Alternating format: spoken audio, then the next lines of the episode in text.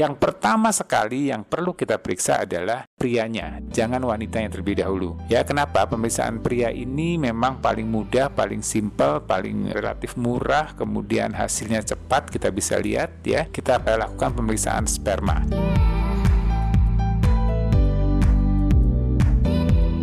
Halo sahabat berbagi, kembali bersama saya Dr. Boy Abidin. Kali ini saya ingin ngobrol-ngobrol nih dengan para sahabat berbagi semua mengenai masalah infertilitas. Jadi infertilitas adalah suatu masalah di mana pasangan suami istri yang sudah menikah selama satu tahun dengan hubungan tim teratur tanpa menggunakan kontrasepsi belum terjadi kehamilan. Jadi ini kasus-kasus infertilitas ini cukup banyak didapatkan di Indonesia. Mudah-mudahan bukan Anda salah satunya ya, tapi kalau berdasarkan data, ini di Indonesia ini dari sekian juta penduduk Indonesia itu ada kurang lebih 40 juta wanita di usia subur dan 10 sampai 15 persennya ini mengalami masalah infertilitas. Jadi kalau dihitung-hitung kurang lebih dari 10 persen dari 40 juta itu ada sekitar 4 juta pasangan suami istri bermasalah dengan kesuburan. Jadi sebelum saya ngobrol mengenai kesuburan, saya boleh sedikit cerita ya. Jadi memang saya ini adalah dokter spesialis kebidanan dan saya memperdalami lagi untuk masalah infertilitas. Jadi lulus dokter, kemudian saya sekolah dokter spesialis obstetrik dan ginekologi, kemudian saya mengambil ilmu lebih dalam lagi mengenai infertilitas. Dan ini memang suatu bagian khusus dari ilmu objin ya. Kalau kita bicara objin itu ada yang membahas mengenai opsos atau objin sosial, kemudian ada objeknya berkaitan dengan onkologi untuk penyakit-penyakit tumor dan kanker, kemudian ada yang bicara mengenai feto maternal, mengenai tumbuh kembang bayi dalam kandungan, kemudian saya memperdalam mengenai fertilitas atau gangguan kesuburan. Dan juga di sini bicara mengenai masalah gangguan hormonal, jadi gangguan haid, gangguan pada anak remaja, gangguan pada orang-orang usia menopause, termasuk di dalamnya juga bicara mengenai gangguan hormonal untuk terjadinya suatu proses kehamilan. Ya, jadi menarik nih kalau kita bicara mengenai infertilitas. Ini kalau saya lihat, sahabat berbagi juga bisa cek di channel YouTube Dr. Boy Abidin. Ini ada cukup banyak topik yang saya bahas di konten channel YouTube saya mengenai gangguan kesuburan atau infertilitas ini. Ini saya ambil salah satunya ada topik mengenai fertilitas ya. Saya ngobrol-ngobrol nih bicara mengenai gangguan kesuburan. Di sini kita lihat bahwa memang ada kurang lebih nih di channel ini 1149 komen Terima kasih nih buat Anda yang sudah membuka channel YouTube Dr. Boy Abidin, kemudian sudah melihat konten mengenai masalah infertilitas. Ini salah satunya yang saya ngobrol bersama dengan Dr. Handi. Dr. Handi ini adalah dokter objin, konsultan fertilitas juga dan beliau adalah ketua Fertilitas Indonesia ya. Jadi ini kumpulan dari dokter-dokter yang membahas atau yang berkumpul yang menangani kasus-kasus gangguan kesuburan atau infertilitas. Tapi sebelum saya membahas mengenai komen-komen yang disampaikan, saya mau sedikit cerita nih ya mengenai apa sih yang menjadi penyebab terjadinya gangguan kesuburan. Jadi kalau menurut menurut pendapat saya ini memang gangguan kesuburan ini banyak hal yang bisa menjadi penyebabnya. Bisa dari faktor sosial, bisa juga dari faktor medis. Saya bicara dulu dari faktor sosial deh ya. Jadi faktor sosial ini nanti berkaitan dengan kapan usia wanita tersebut menikah. Ya, ini berkaitan karena untuk wanita ini dia punya masa subur atau masa reproduksi itu di usia antara 20 sampai 35 tahun. Bukan berarti wanita yang di bawah 20 tahun atau wanita yang di atas usia 35 tahun kemudian menjadi tidak reproduktif atau tidak subur atau tidak mungkin hamil. Tetap bisa saja ada kemungkinan untuk hamil, tapi memang berdasarkan data, berdasarkan angka statistik itu usia 20 sampai 35 tahun adalah usia yang ideal untuk terjadinya kehamilan. Ya, jadi buat Anda yang mungkin usianya sekarang sudah 35 atau 35 lebih tapi Anda belum menikah. Nah, ini juga menjadi kendala di mana dengan bertambahnya usia maka kualitas sel telur, cadangan sel telurnya akan juga berkurang atau menurun sehingga harapan untuk hamilnya juga akan menjadi lebih rendah dibanding usia Anda sebelum 35 tahun. Dan kebalikannya juga nih ya, bukan berarti berarti bahwa orang-orang yang atau wanita di usia 20 sampai 35 tahun kemudian tidak mengalami masalah gangguan kesuburan. Ya, jadi tetap saja artinya semua wanita memang berdasarkan data tadi 10 sampai 15 persen ini dari wanita di usia subur ini punya masalah dengan kesuburan atau infertilitas ya. Jadi ini masalah sosial. Jadi banyak orang yang memang uh, ya mohon maaf belum menikah atau belum memikirkan untuk menikah di usia yang sudah lewat di atas 35. Ada juga yang orang mungkin sudah menikah tapi belum siap untuk hamil ya. Jadi dia menggunakan kontrasepsi terlebih dahulu, kemudian saking asiknya dengan pekerjaan, dengan karir, dengan sekolah dan segala macamnya, kemudian usianya sudah melewati di atas 35. Jadi ini faktor sosial ini juga berperan. Ini juga untuk prianya ya, jadi tidak hanya untuk wanita tapi juga untuk prianya. Jadi kalau kita bicara masalah sosial, yang penting adalah memang sebaiknya menikah atau bereproduksi pada usia-usia yang ideal antara 20 sampai 35 tahun. Nah, buat Anda ini yang mungkin sudah usianya di atas 35 kemudian masih bermasalah dengan atau bertanya-tanya apa mungkin hamil apa yang harus saya siapkan coba cek deh di channel YouTube saya itu ada saya bahas juga mengenai apa yang harus Anda lakukan apabila Anda memang usia sudah di atas 35 dan belum menikah kemudian mempersiapkan kesehatan reproduksinya supaya nanti pada saat Anda menikah kesehatan reproduksinya akan tetap baik. Nah, tadi kita bicara masalah sosial. Jadi ini biasanya berkaitan dengan faktor usia. Berikutnya adalah faktor medis. Jadi kalau faktor medis ini kalau kita lihat memang atau kita bagi ini ada beberapa kemungkinan ya bisa saja gangguannya di organ reproduksi. Artinya di rahim ada sesuatu yang mengganggu bisa ada tumor kemudian di ovarium mungkin ada kista kemudian di saluran telurnya ada sumbatan ya bisa saja ada gangguan di vaginanya ya. Ini bisa berkaitan. Juga ada masalah mungkin di sentral di otak ada gangguan produksi hormon untuk kesuburan. Ini juga akan bisa mengganggu kesuburan untuk wanita tersebut. Nah ini memang harus dilakukan pemeriksaan tahap demi tahap dilihat semuanya ya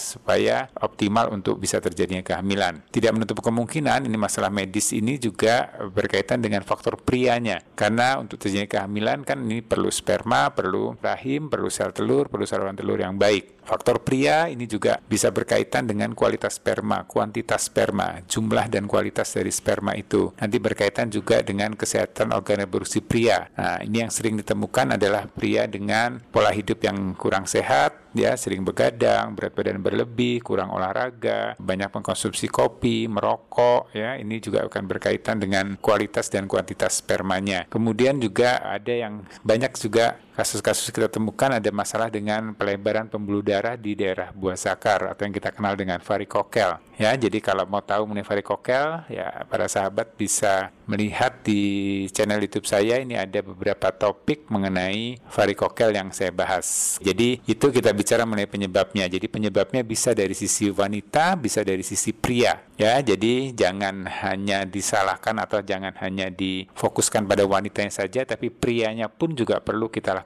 pemeriksaan atau evaluasi. Ya, jadi buat anda nih yang sekarang belum menikah, ayo cepat-cepat pikir pikirkan, cari pacar, cepat-cepat siapkan untuk bereproduksi. Buat Anda yang mungkin sudah menikah, kemudian umurnya sudah mau dekat-dekat 35, coba segera lakukan pemeriksaan untuk sedikit lebih proaktif sehingga harapan untuk bisa segera hamilnya menjadi jauh lebih besar. Ya, jadi tetap usaha, tetap berdoa dan memang kalau kita bicara secara statistik, nah ini juga menarik nih. Jadi kadang-kadang ada beberapa pasangan suami istri yang kemudian bukannya tidak mau periksa, bukannya tidak mau punya anak, tapi memang mungkin Allah belum memberikan keturunan ya. Jadi kalau berdasarkan data statistik ini pasangan suami istri yang menikah pada usia reproduktif antara 20 35 tahun kemudian melakukan hubungan intim teratur, nah ini kemungkinan hamilnya antara sekitar 20 sampai 25 persen. Kalau dilakukan dengan program inseminasi ini kemungkinan hamilnya sekitar 15 sampai 20 persen. Ya kalau dengan program bayi tabung ini kemungkinan hamilnya atau angkanya sekitar 30 sampai 40 persen. Ya jadi memang angkanya masih di bawah 50% ya. Jadi ini sekali lagi memang masih ada faktor penentu di atas. Jadi sekali lagi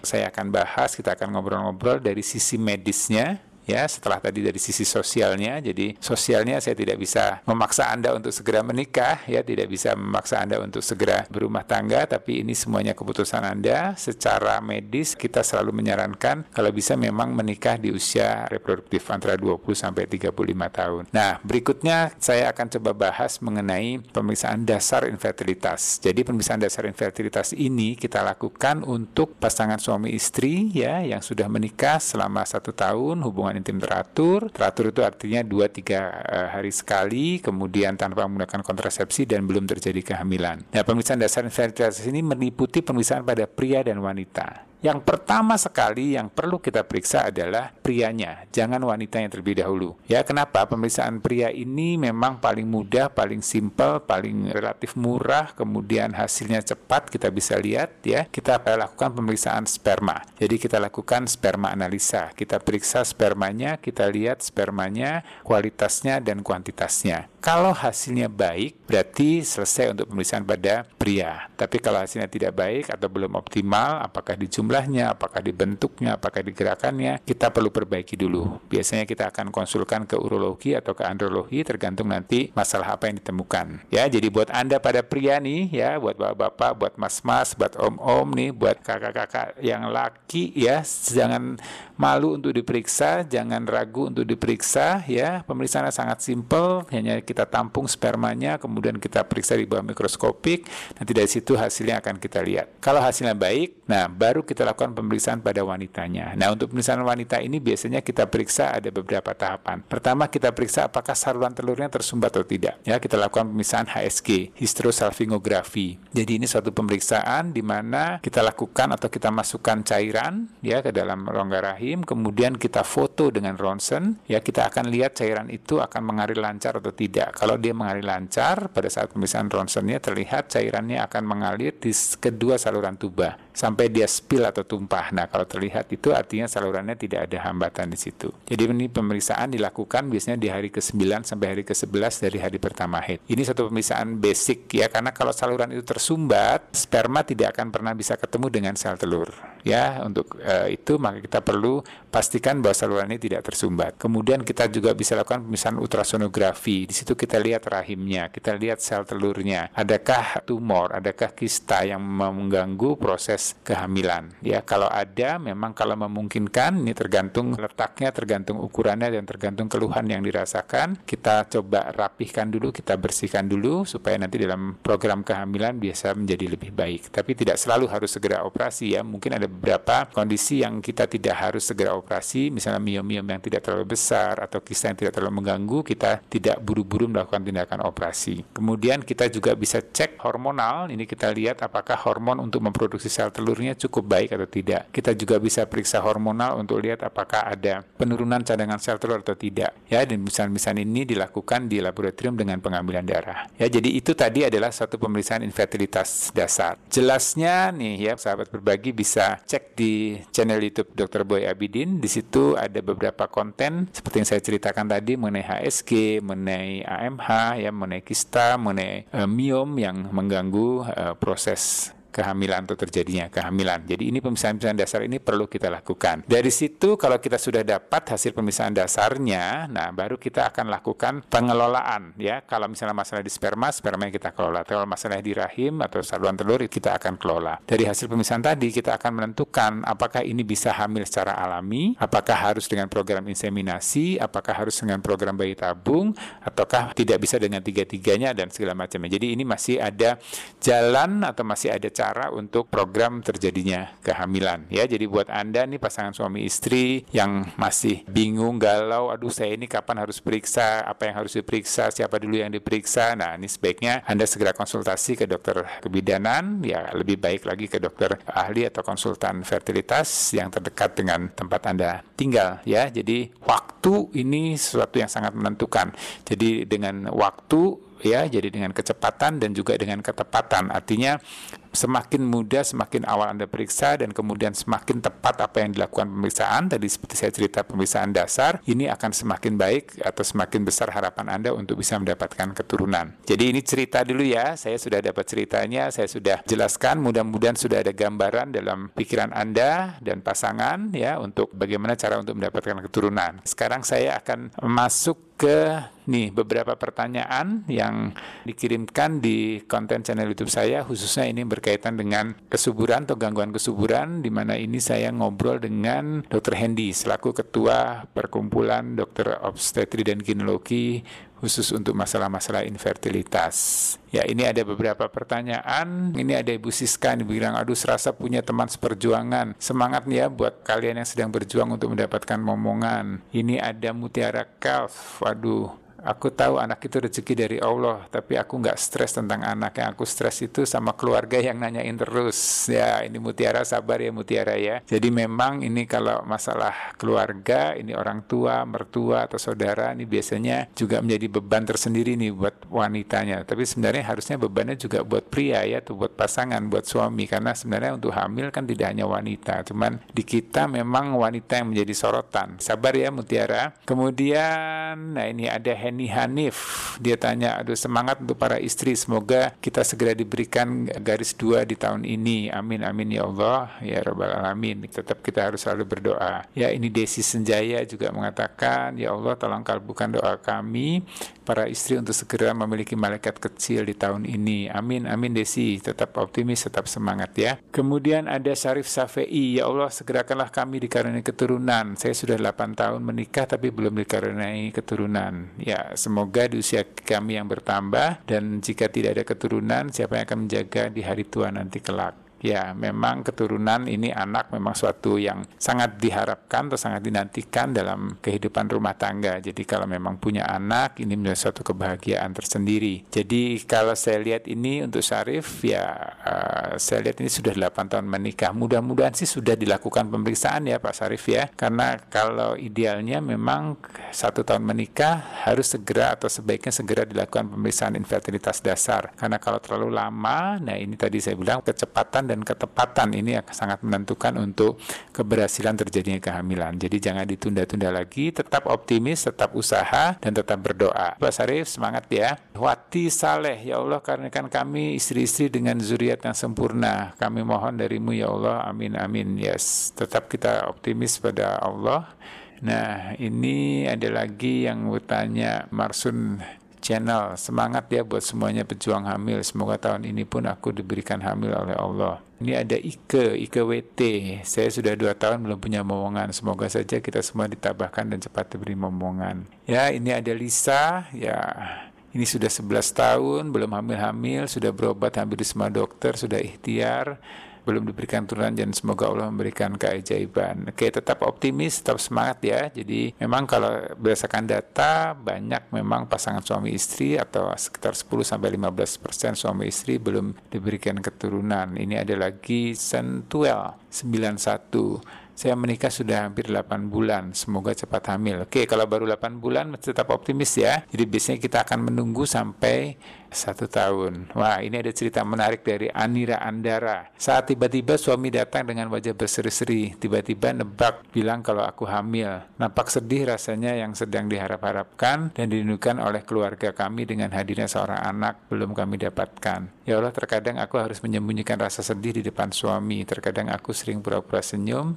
saat mereka menanyakan soal kehamilan dan uh, lihat-lihat temanku yang sudah punya anak hanya untuk menyembunyikan rasa sedih ini ya. Sabar ya Mbak Anggra ini ya. Ini banyak sekali dari Ega Sweet juga masih menunggu untuk jadi kehamilan Rudi Julaiha Eni SM Madura ya. Ini bertanya atau berdoa mengharapkan untuk segera mendapatkan keturunan. Ya ini ya ada yang empat tahun menunggu kepercayaannya dari Ria Dias. Kalau saya lihat ini komen-komen yang ada memang lebih ke arah harapan untuk mendapatkan keturunan uh, beragam ada yang dua tahun, empat tahun, 8 tahun, ya 11 tahun.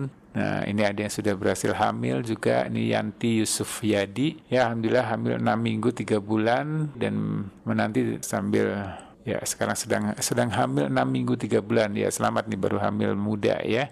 Ya, jadi ini memang kalau lihat uh, komen-komennya banyak yang berharap atau banyak yang ingin uh, segera mendapatkan keturunan ya. Saya doakan buat semua sahabat berbagi. Ini doanya segera terkabul ya. Tapi sekali lagi selain berdoa kita juga perlu untuk usaha. Kalau saya lihat di sini komen-komennya lebih banyak berharap untuk hamil. Jadi belum ada atau saya masih tidak melihat ada pertanyaan-pertanyaan yang berkaitan dengan medis ya. Jadi ini semua berdoa semua berharap ya dari sekian banyak yang menyampaikan ya. Ini ada Rizka Ika pengen sekali hamil lagi tapi udah empat tahun lepas KB belum hamil-hamil juga. Nah ini menarik nih. Ya kalau kita bicara ada hamil yang pertama, jadi memang sudah menikah tapi setahun lebih dan belum terjadi kehamilan. Ada juga yang sudah punya anak, kemudian dia ingin punya anak lagi. Nah ini perlu diperhatikan juga. Jadi kalau kita sebut sebagai infertilitas sekunder, itu adalah suatu kondisi di mana setelah dua tahun uh, anak pertama lahir dan belum terjadi kehamilan tanpa kontrasepsi. Beda ya kalau pakai masih pakai kontrasepsi ya memang tidak diharapkan hamil. Tapi kalau sudah lepas kontrasepsi, hubungan tim teratur dua tahun kemudian belum terjadi kehamilan, nah ini kita masuk dalam kategori infertilitas sekunder. Nah pengelolaannya sama dengan infertilitas primer, artinya kita lakukan lagi pemeriksaan infertilitas dasar. Kita periksa lagi sperma suami, kita periksa kualitas dan kuantitas spermanya, kita periksa lagi saluran telurnya tersumbat atau tidak. Kita USG lagi, kita lihat adakah tumor-tumor miom, kemudian kita juga cek hormonalnya. Jadi kita lakukan pemeriksaan-pemeriksaan dasar uh, infertilitasnya lagi ya. Jadi jangan keasikan nih sudah empat tahun nih Rizka, ayo Rizka cepat periksa deh ya. Ini empat tahun mudah-mudahan sih segera tahun ini bisa mendapatkan keturunan ya. Jadi ini banyak sekali yang berdoa yang mengharapkan untuk bisa segera hamil. Sekali lagi memang infertilitas ini adalah suatu masalah yang saat ini banyak ditemukan ya. Mungkin dulu juga banyak hanya karena sekarang datanya jauh lebih terdokumentasi sehingga kita menemukan angka-angka data yang cukup tinggi ya. Jadi kali ini saya rasa saya cukupkan sekian saja dulu ya untuk membahas mengenai masalah infertilitas. Di kesempatan berikutnya saya akan nanti membahas mengenai tadi penanganan secara alami apa saja, penanganan untuk inseminasi itu apa saja, kemudian untuk bayi tabung itu apa saja ya. Jadi mudah-mudahan buat Anda nih para sahabat berbagi ya buat Anda pasangan suami istri yang memang punya masalah dengan infertilitas Ayo, jangan tunda-tunda lagi ya. Jangan santai-santai, coba sedikit proaktif untuk usaha untuk dicari tahu. Kita lakukan pemeriksaan infertilitas dasar terlebih dahulu dan tetap jangan lupa untuk berdoa. Semoga informasi ini bermanfaat buat Anda pasangan suami istri yang punya masalah dengan infertilitas. Ya kalau ada pertanyaan-pertanyaan nanti boleh disampaikan bisa melalui Instagram saya ya boyspog bisa Anda DM di sana bisa juga kirim email ke uh, eh, boyspog@yahoo.com ya atau bisa juga cek di channel YouTube Dr. Boy Abidin. Sekali lagi terima kasih atas waktunya, terima kasih atas perhatiannya. Assalamualaikum warahmatullahi wabarakatuh.